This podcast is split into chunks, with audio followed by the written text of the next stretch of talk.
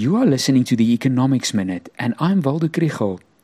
With the prospect of at least two more years of load shedding, the pressure that it's putting on small business is in the news. The National Chamber of Small Business has called for generators and diesel to be subsidized. But is this the best way? Unfortunately, there's no comprehensive data available on the impact of load shedding on small business, but the bits of information that are known seem alarming.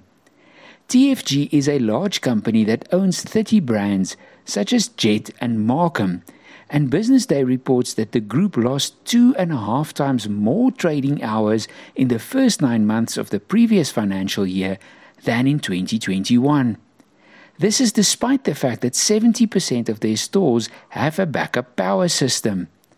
Independent small businesses are hit even harder. But is a subsidy the best solution?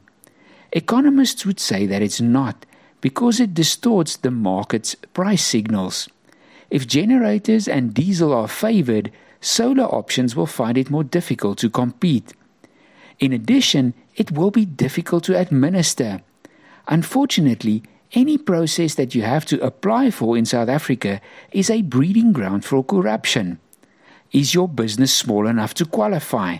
Do you buy the generator yourself and claim tax back, or does someone get the tender to supply it? Was the diesel poured into the business's generator or into the bakkie? Assuming that there is government money for something like this, it's much better to give it to Eskom to burn the diesel. Then everyone has one or two phases of load shedding less, and no sector or interest group is favored. Unfortunately, and fortunately, the Minister of Finance's arm is not that easy to twist.